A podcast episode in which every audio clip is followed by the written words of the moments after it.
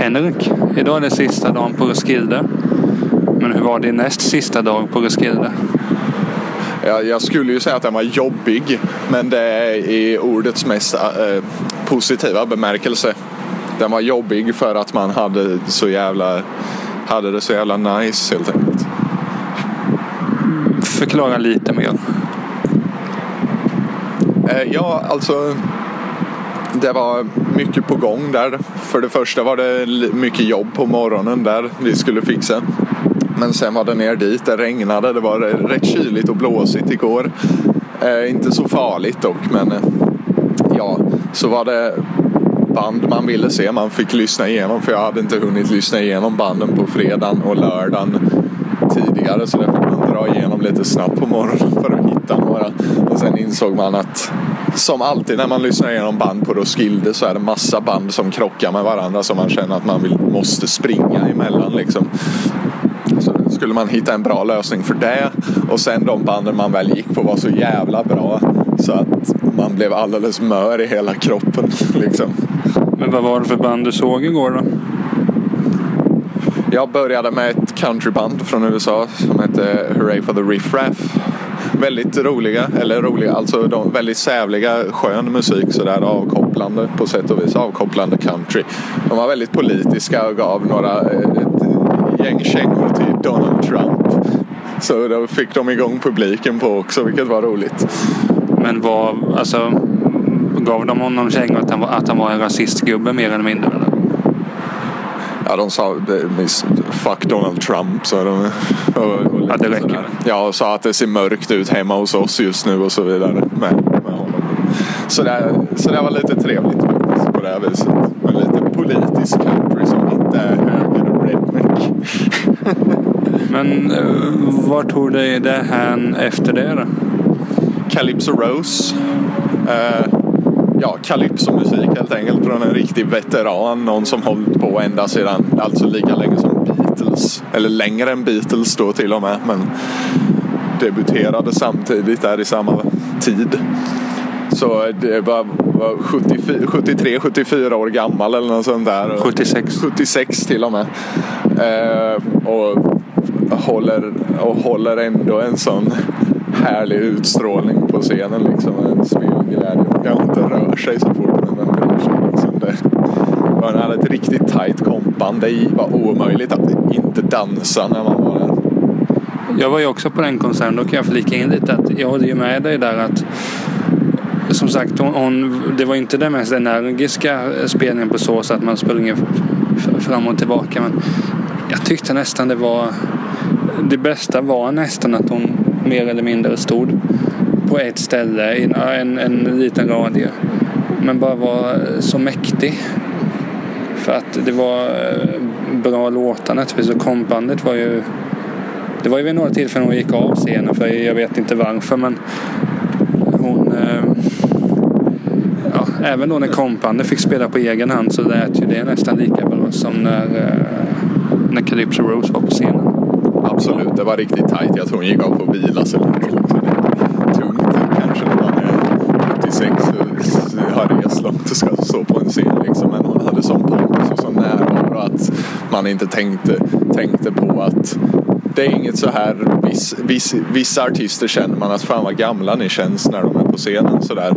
Jag menar Red Hot Chili Peppers kändes gamla för att de kändes så rutinerade och alltså så, inte rutinerade, eh, de är ju rutinerade men du vet, ja, så här inövade då. Medan Calypso Rose kändes bara väldigt, väldigt energisk ändå. Jo, äh, grejen var att innan det var jag och såg på Bad Bad Not Good. Och det var ju såhär jazz, hiphop, influenser i, i varandra. Det var väldigt nice och så här, men det var och väldigt mycket energi och så här, men eh, nackdelen där var som jag skrev lite på på Munväder att där var det instrumentalt. Och det, ja, jag hade svårt för att gå igång på det. Alltså, men musiken i sig var ju jättebra. Men svårt att gå igång. Därför var det ett fint upplyft här mot Calypso. Att det var jag hoppas jag, det är som drag i mig när jag är 76 alltså. Jag med. På mig alltså. Och på dig med för den delen. Men det var ju också, apropå eh, äldre rutinerade, det var ju en, en gammal, en, en, en ja, en Neil Young på kvällen där. En Neil Young.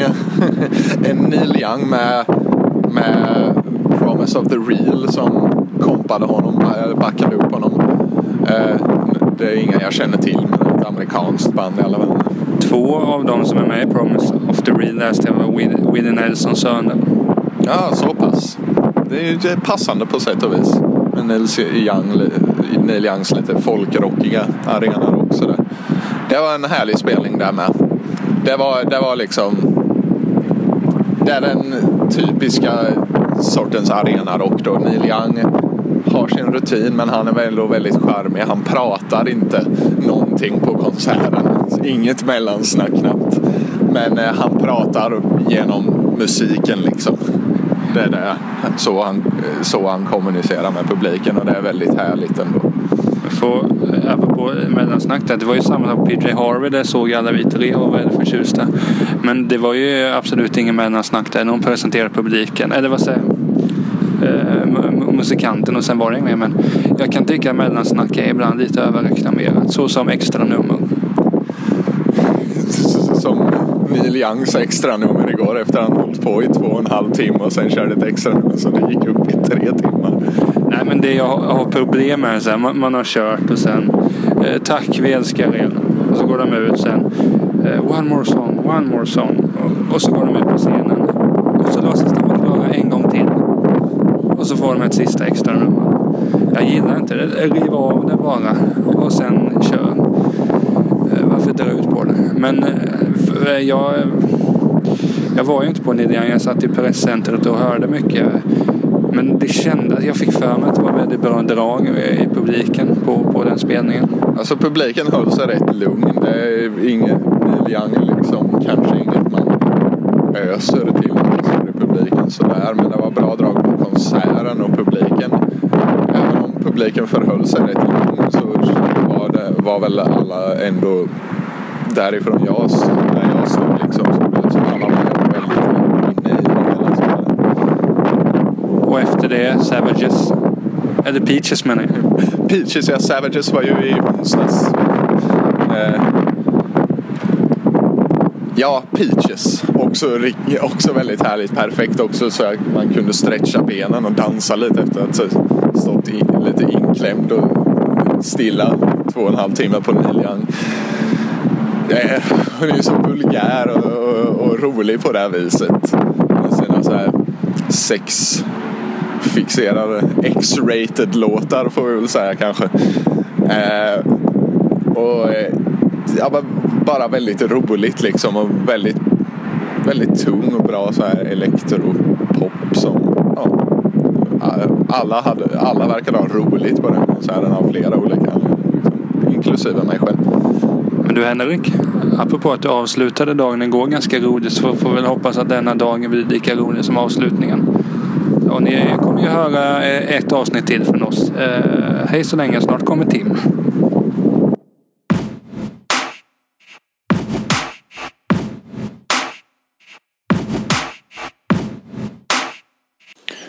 Eh, Tim, nu sitter du och gör lite videos här under tiden det renderar. Prata gärna om din dag igår på festivalområdet.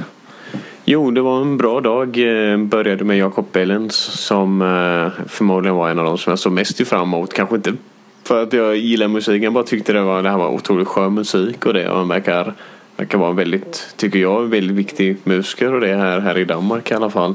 Eh, inte så jättestor och känner det, men det, det var det jag såg fram emot. Så såg jag, efter det så gick jag till eh, Biffy Clyro.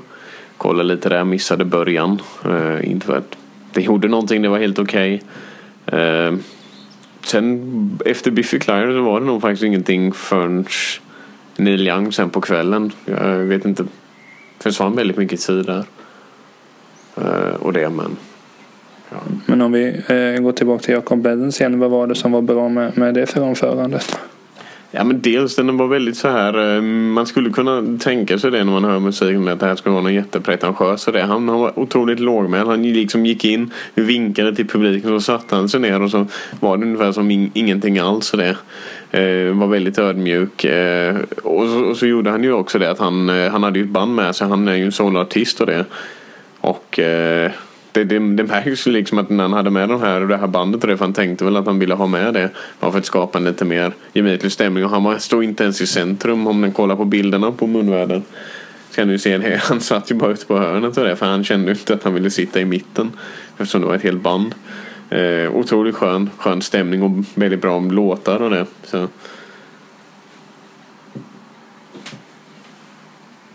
Ja.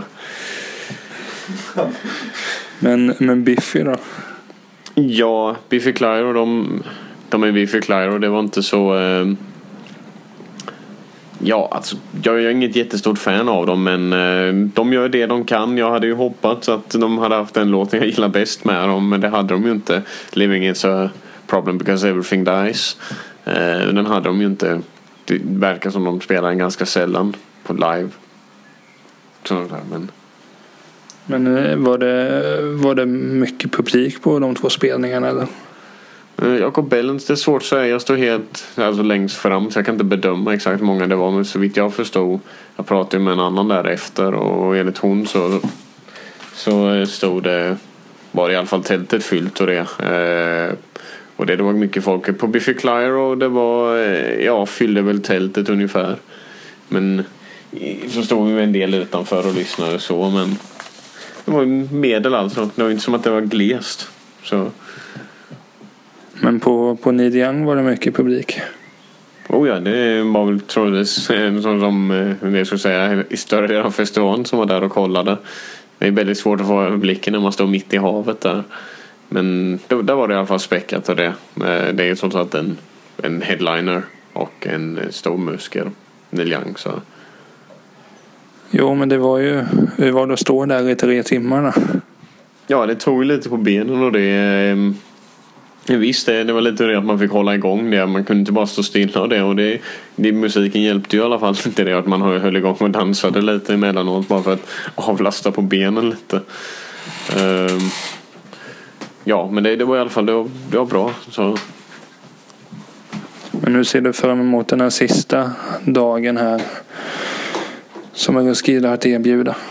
Ja, det ser, jag ser mycket fram emot det. Vi har ju lite det så jag ser fram, mest fram emot det är de där tre, tre som är definitivt New Order, Mö och eh, LCD Sound System. Eh, den här sista urladdningen då som man säger nu, nu, nu de här om man har försökt att konservera energin och det då tar man i alla fall sista här och tar ut nu och tar ut det sista som festivalen har att erbjuda. Och vi hörs ju Ja, ni som lyssnar, vi hörs ju mer imorgon. Men Timo jag, du hörs, du, vi hörs ju hela dagen. Ja, förmodligen. Tack.